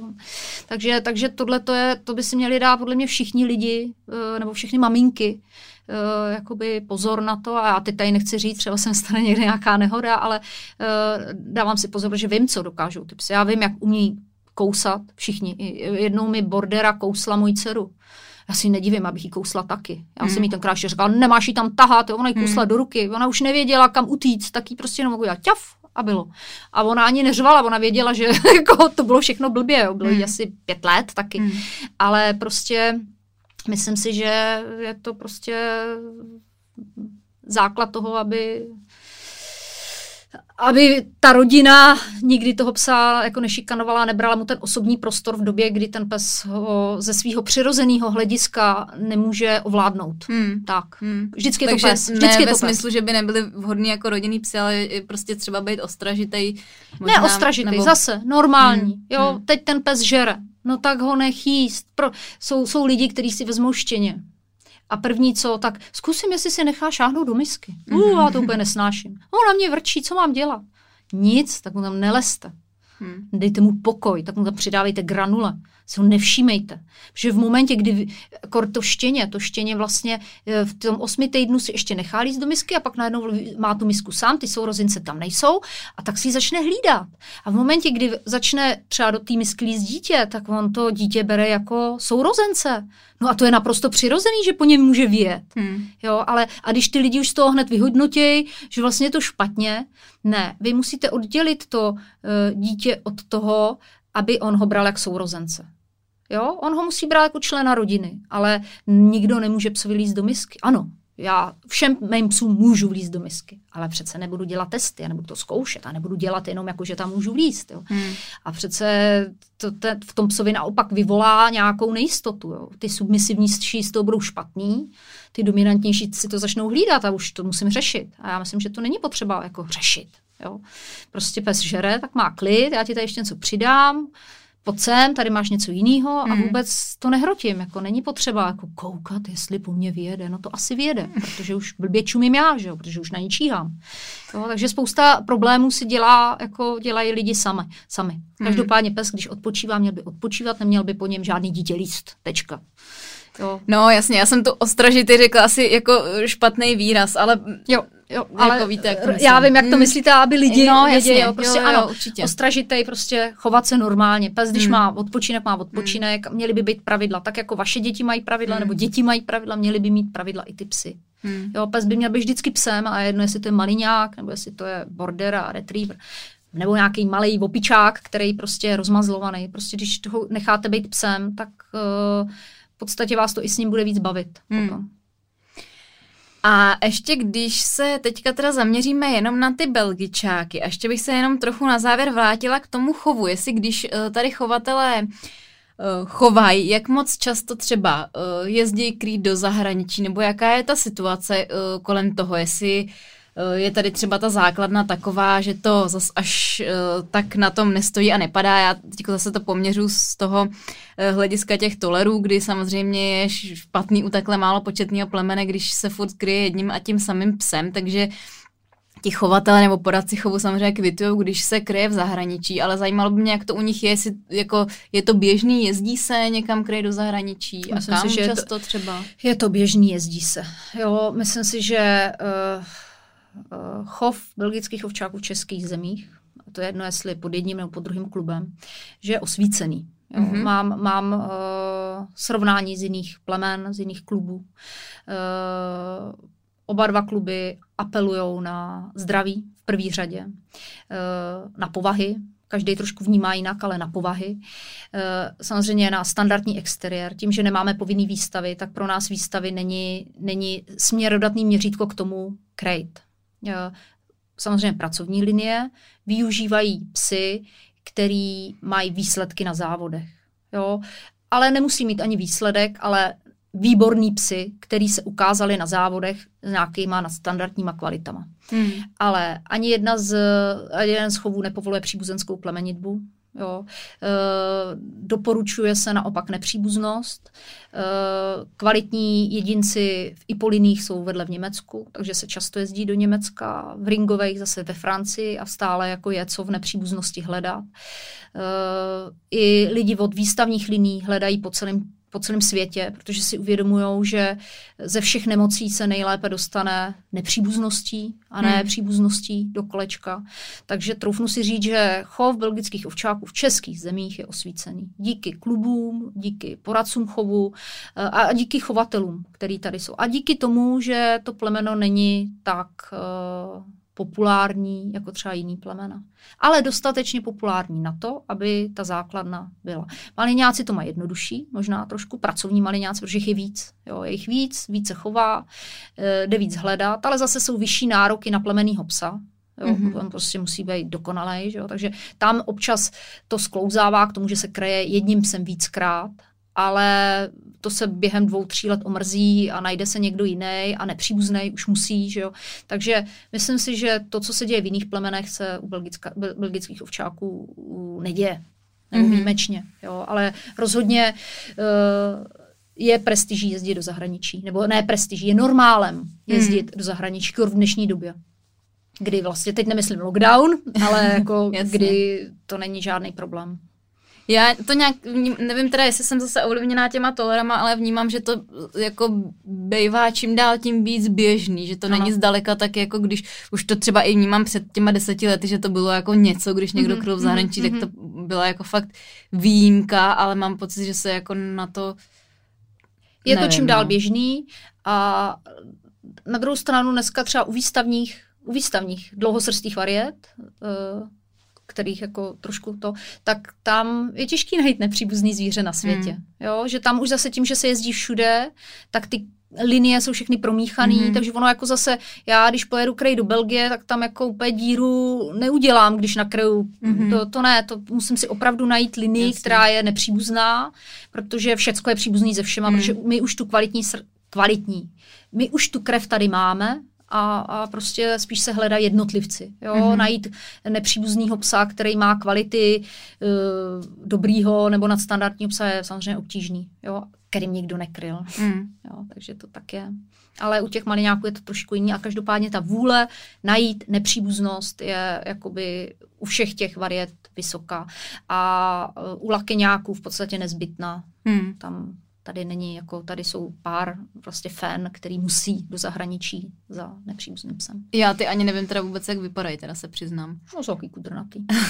jsou, uh, oni jsou kudrnatější, kudrnatý jsou a mají i kudrnatou tvář. Můžou mít i kudrnatou aha, tvář. Aha. A jinak mají špičatý ouška, špičatý nos a vypadají jako belgičák. No tak jsou hezký, jsou sympatický, a tak. Určitě, určitě potom hodíme pod podcast fotky všech uh, těch variet. A ještě mi řekněte, když by se někdo chtěl o tom plemeni dozvědět víc, existuje třeba nějaká dobrá knížka nebo um, kde jako čerpat informace? Spíš na internetu nebo ne? Jo, jestli... Uh, knížka dlouho nebyla vydaná, když si dávno vydala knížka, knížku v 90. Stanislava Matušková, Belgičáci. Určitě se pár info, informace dají z ní čerpat, mm-hmm. ale už samozřejmě není teď moderní, to je strašný slovo, ale není už aktuální úplně. Jasně. Každopádně je, zajímavá, je zajímavý si ji přečíst, ale uh, dneska máte informace na internetu. Hmm. Máte inter, informace na internetu, můžete čerpat z klubových stránek uh, obou dvou klubů, uh, můžete oslovit poradce chovu, uh, anebo jednotlivý chovatele, kterým vám se líbí někde něco, jo. takže těch hmm. informací je hodně a myslím si, že Chce to trošku hledat. Eh, prostě. Chce to trošičku hledat, ale není to obtížný. Mm, jo, není to obtížný prostě. Eh, a ve finále, když napíšete na nějaký fórum, tak vám tam hned milion lidí poradí, takže, takže tak to je. No dobře, a pojďte mi ještě na závěr teda říct, čím si vás ty belgičáci nejvíc získali, nebo co na nich nejvíc máte ráda, proč je to uh, pro vás taková srdcovka, jestli je teda. Je, Když teďka vynecháme je, ty borderky z toho je, trochu. já mám ráda jejich temperament. Já mám, já mám ráda, že jsou temperamentní, já mám ráda, že jsou švihlí, já mám ráda, že prostě chtějí dělat, že chodí a, a chtějí dělat a, a, a fungují a aportují a přetahují se a mám ráda sebevědomí zvířata, ne submisivní. Vážím si jich. V kombinaci s tím temperamentem mě to prostě s nima baví. No. Temperament, mám ráda temperament a, a tu práci. Já od dětství dělám sportovní kinologii, uh, bude 11 let. A měla jsem, začínala jsem s německými ovčáky mm-hmm. a mhm. úplně náhodou, právě protože se mi líbily dlouhosrství, tak jsem si pořídila, kvůli tomu exteriéru, jsem si pořídila belgický ovčáka prvního. A měla jsem uh, štěstí na toho správného, byl teda z výstavní linie, on teda moc hezký nebyl v tu dobu, ale byl úžasný. Jo? Byl to prostě pes, uh, pesnů většiny lidí, udělala jsem si teda nakonec jenom ze tvé jedničku, později měl střelbu, to nevadí, ale jako osobnostní pes to byl mm-hmm. skvělý, choval se úplně normálně, měl mě rád, mohla jsem s ním dělat cokoliv, kdykoliv, jezdil s náma na čundry a cvičili jsme a, a byl prostě dobrý. A pak prostě po něm jsem řekla, že už nic jiného nechci a už jako já mám ráda německý ovčáky, strašně. A prostě, ale ten belgičák, ten tam má ještě tý, jako tý rtuťovitosti víc a mě to sedí. Jo? Mm-hmm. Takže možná, že ze stárnu a zlenivým, tak si vezmu, pořídím něco klidnějšího, ale zatím, zatím, zatím mě ta energie baví. No. Ta jejich energie a ta jejich chuť dělat to, co po nich jako chci, nebo i něco vymýšlet a, a, a v kombinaci s tou jejich uh, surovostí. Jo, mě nevadí, když do mě pes trčí a když mě kousne, se přetahujeme a mě, mě, mě, to nevadí. Já říkám, a my máme, a líbí se mi. Jo, líbí se mi vizáž psa, co má špičatý nos a uši nahoru, ale to neznamená, že se mi jiný plemena nelíbějí, ale Jasně. tak jsem ten typ, tak já mám taky špičatý nos a taky mám uši nahoru a chlupy tady, jo, takže asi, asi, asi to tak jako platí. Asi bych nemohla mít buldoka, Jo, protože jo já to, jako přemýšlím teďka nad tím, jak to říkáte, jestli uh, se i trochu podobají ty lidi, kteří se je pořizují. A ono Určitě. to je teda i vyskoumaný, jako, je to ale vyskoumaný. jestli to vnímáte no, taky úplně, takhle úplně. mezi těma A dokonce, dokonce uh, já, mám, já, já jsem začala i, že třeba jak, jak mám jednotlivý psy od toho dětství, tak já mám pocit, že já se vždycky jako přizpůsobuju, nebo on se přizpůsobí mě i jako to. A teď si vždycky říkám, tak a teď mám pracovní a ty jsou čím dál vošklivější a, a teď mám úplně nejvošklivý. A teď si toho z toho dělám úplně srandu, jakože, že čím jsem starší, tak tím mám vošklivější zvířata. A pak si říkám, no ale zase jsou stabilnější a vyrovnanější. takže, takže tak ne. Ale eh, hrozně se přizpůsobí pes svýmu majiteli. A vidím to třeba na odchovech. Mám štěně nějaký, to je jedno jaký, a když ho vidím za dva roky, tak je jak přes kopírák s tím temperamentem toho člověka. Když je, eh, a to je to, co jsem říká, když bude pes, člověk normální, mm. ten pes bude normální. Mm. Když bude mít člověk psycha, ten pes taky bude mít psycha. Nějaký. Jo, když bude vyrovnaný, tak budou o něco jiný, než ty, když je nevyrovnaný, ale hmm. vždycky se to tam jakoby objeví. Když je člověk smutný, ten pes taky bude smutný. Jo, když je ten č- pes bláznivý, člověk bláznivý, pes bude bláznivý. Když je nedůsledný, pes bude nedůsledný. A když je člověk veselý, tak ten pes taky bude veselý. Jo. Tak když ten člověk bude přednasraný, ten pes taky bude takový přednasraný. Hmm. Prostě tak to je. Jo, a samozřejmě výjimka potvrzuje pravidlo, ale i vidím to na svých štěňatech, že uh, je strašně důležitý, komu co dáte, nebo kdo si co vybere, jak, protože ten pes se potom tomu jako přizpůsobí. Já bych tady klidně řekla krásný pří, pří, příspěvek. Já jsem jednou dávala mm, opravdu dominantního psa, mm-hmm. opravdu dominantního psa eh, klukovi, který jako je začátečník. A říkal, jako, že bude cvičit a tohle. A já jsem na něm viděla, že to úplně jako ne, nemusí být úplně ono, jo? ale on se na něj těšil a nakonec prostě jsem mu ho dala. Pak jsem je viděla, když pes byl to a on na něj občas vrčel a teď bylo na něm vidět, tak oni jako si nesednou. Ale já jsem pak toho kluka poznala, říkám, on je ale hrozně fajn ten kluk. Jo, on je fajn. A on to psa všude tahal. A uh, bydlel s ním a mluvil s ním a, a fungujoval s ním.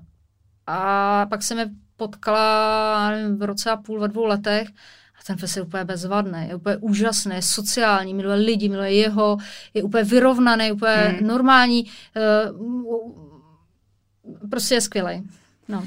Mě fascinuje, že kolikrát, a nevím teda, jestli mám pocit, že to vidím víc u chlapu, nebo jsem asi víc viděla takových příkladů, že jako jak to, a možná některý ty lidi míň hroti a míň se jakoby na to tak strašně připravujou a dělají to víc jako intuitivně tak ve finále jim to jako klapne, jo. A že jsou, nebo nevím, prostě potkala jsem už celkem dost chlapů, který si říkám, tyjo, tak nevím, si pořídil takovýho makovýho psa, to by se prostě kde kdo na to připravoval, Bůh ví jak dlouho a hledal si informace a tak a oni se ho prostě vezmou domů, Nějak to tak jako udělá, jak jim to přijde a ono to jako fakt, ono fakt to, funguje. Ono to, ono to může fungovat, no určitě. A zase to, ten člověk musí být normální, no prostě selský rozum, prostě hmm. na pohodu.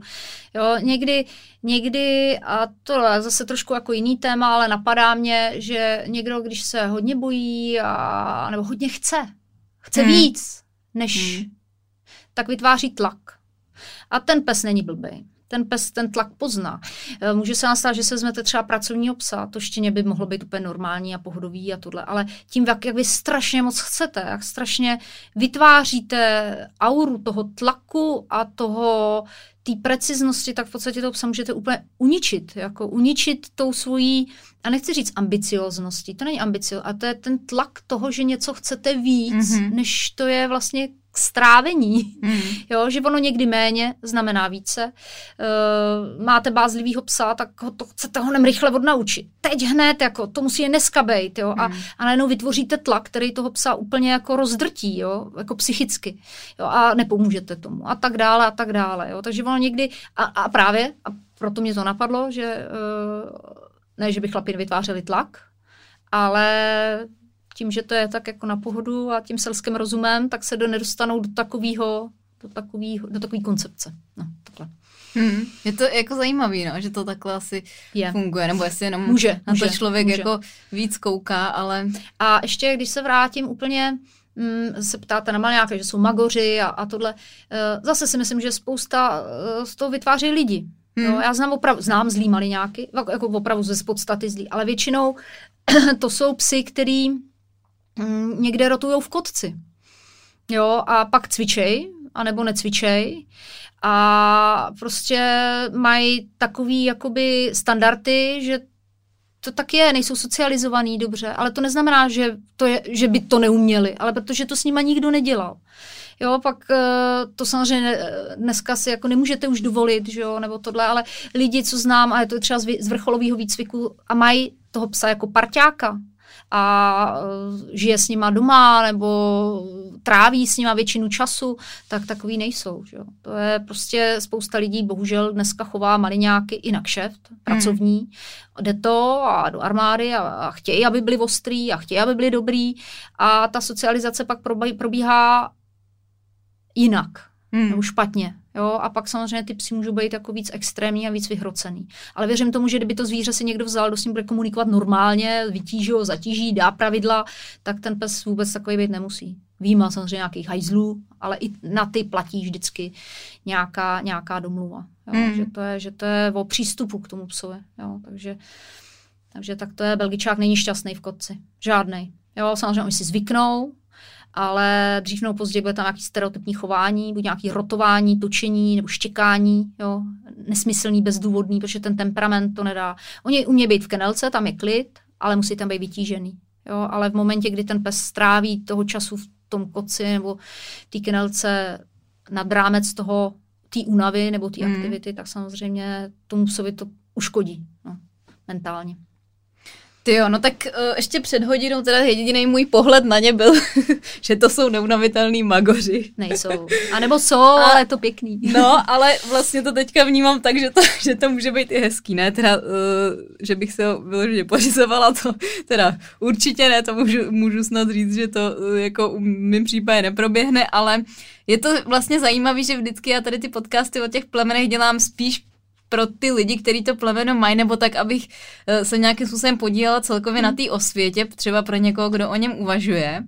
A jako i když se třeba mezi psama pohybuju, myslím si, že celkem dost, tak furt má člověk zažitý některé ty věci nějak a jako když se potom o tom dozví víc, tak je to fakt strašně zajímavý. To co, ještě mě napadá, ono uh, magorství je strašně relativní pojem. A to, to je další věc. jo. Uh, ono ve finále i dobrá povaha je relativní pojem. Hmm. Jo, co je dobrá povaha? Hmm. Co je pro vás dobrá povaha a co je pro mě dobrá no, povaha? A co je no. dobrá povaha pro člověka, co venčí v parku? A co je dobrá povaha pro toho, kdo vykupuje do armády? Jo, je to relativní pojem. My si pod tím můžeme představit spoustu. Eh, a to magorství to je to stejný. Jo? Moje magorství, třeba jaký vy si představujete, tak mně se třeba líbí. No jasně, jo? a je to pro vás úplně A pro mě je to normální, úplně jako to. normální. Hm. A normální třeba člověk už by z toho byl tak jo. Takže my si musíme uvědomit, že není jedna pravda. Není černá, není bílá, není zlej, není hodnej. A každý to má prostě posazený jinak. Jo. A já, mě se třeba, já třeba mám ráda hrozně variabilitu. Jo, ve všem. Eh, eh, Když jsou různý typy, různé povahy, když prostě je od, od všad brát, ano, mám ráda sebevědomý zvíře, mám ráda vyrovnaný, mám ráda, když mě to má rádo, to zvíře, když s ním nemusím bojovat, to zase jako nejsem taková hrdinka, ani to neumím, ale uh, ta variabilita je prostě v tomhle dobrá. A ta variabilita vlastně zní i v tom dobrá povaha. Co je dobrá povaha? Hmm. Jo, to, je, to tak je, no. A v mý dobrý povaze odpustím psovi, že někde něco rozkouše, třeba. No, A v jiný jasně. dobrý povaze zase uh, odpustěj to, že něco, ale neodpustí, že táhne na vodítku. Hmm. Mě všichni psi táhnou na vodítku. Hmm. Na flexně, no, ko- koušou do ní. A, a já to nechám, mě to nevadí. Jo, já, pro mě to je sympatický projev. Když jim řeknu, aby to nedělali, nedělají, já jim strčím něco do pusy a oni si něco něco a jsou spokojení. Jo, ale nevadí mi to, je to jejich projev je- a a je nechávám v tomhle, v tomhle se realizovat a žít. Jo. Ale Mhm. někomu jinému by to vadilo a už by to řešil a, a, a, a tak. No. Takže je relativní jako vůbec ten pohled na slovo magor. No jasně, no, no jasně, no určitě. A Není. vtipný je teda i, že jak se to jako prolíná i tím lidským světem, že to je prostě Jo. A to je jako stejný i o lidech, že jo? No. Má dobrou povahu, nebo je to fajn holka? No pro mě je to fajn holka, Hmm. ale pro ně, pro někoho může být prostě protivná. No jasně, no. takže prostě to je, proto vždycky, když jsou nějaký diskuzní fóra, tak jako nemá cenu, každý má nějaký pohled, já nevím, proč on ho má, protože on si zažil, má nějaké zkušenosti, má nějakou výchovu, nějakou mentalitu, nějaký vzdělání, nějaký věk. A co já, jako mám se s ním hádat, že on si myslí, že dobrá povaha je tohle nebo tohle. No to, já si myslím, že dobrá povaha je tohle, Mm. ale věřím tomu, že někdo jiný to vidí jinak. No tak budíš mu přáno a člověk by měl respektovat názor jiných, když někdy je to těžký. A, a obzvlášť, jako když můžete psát a někoho nekonfrontovat Jasně. přímo. ale, ale myslím si, že to všechno relativní a není barva černobílá a belgičáci jsou magoři a já je mám takový ráda, ale prostě tak to je. To je, to je krásný. Úplně, já mám takový podtitul, že tvůj pes je šance pro tebe. A úplně se mi fakt líbí, jak se, Je to tak. jako zase se opakuju, ale já ať tady dělám podcast o čemkoliv, tak se k tady té podstatě prostě to tak, dostanem. je to jo. tak. A to mě, to mě Je to úplně obraz fascinuje. svého pána. Hmm. Je to obraz svého pána. No tak jo, tak já moc krát děkuju, že jste si udělala na mě čas. Vlastně tady ani nezně, nezaznělo vůbec, že vy s manželem tvoříte časopis Psí sporty, kdyby vás Tvoříme. přesně někdo neznal. Já to beru tak automaticky, že to všichni Děkuju. berou, berou jako samozřejmost. Děkuju, držte nám palce, děláme ho rádi a srdcem. A vy vlastně od té covidové doby ho eh, děláte úplně na sebe, že jo? Což je Ano. dost obdivuhodný teda. Ano, za podpory, za podpory donátorů. To děláme, děláme to, děláme to teď už sami. Za mě to je asi jako jeden z mála časopisů obsah, který se uh, dají číst a jsou tam fakt jako zajímavé věci. Takže, takže tak, takže vám budu přát, ať se vám daří, ať se vám daří i dál a uh, třeba se tady někde sejdem, někdy sejdem ještě nad nějakým jiným, Jiným tématem a děkuji, že jste vážila tu cestu. Hm, Tak taky se mějte za krásně. pozvání. Naschledanou. Naschledanou.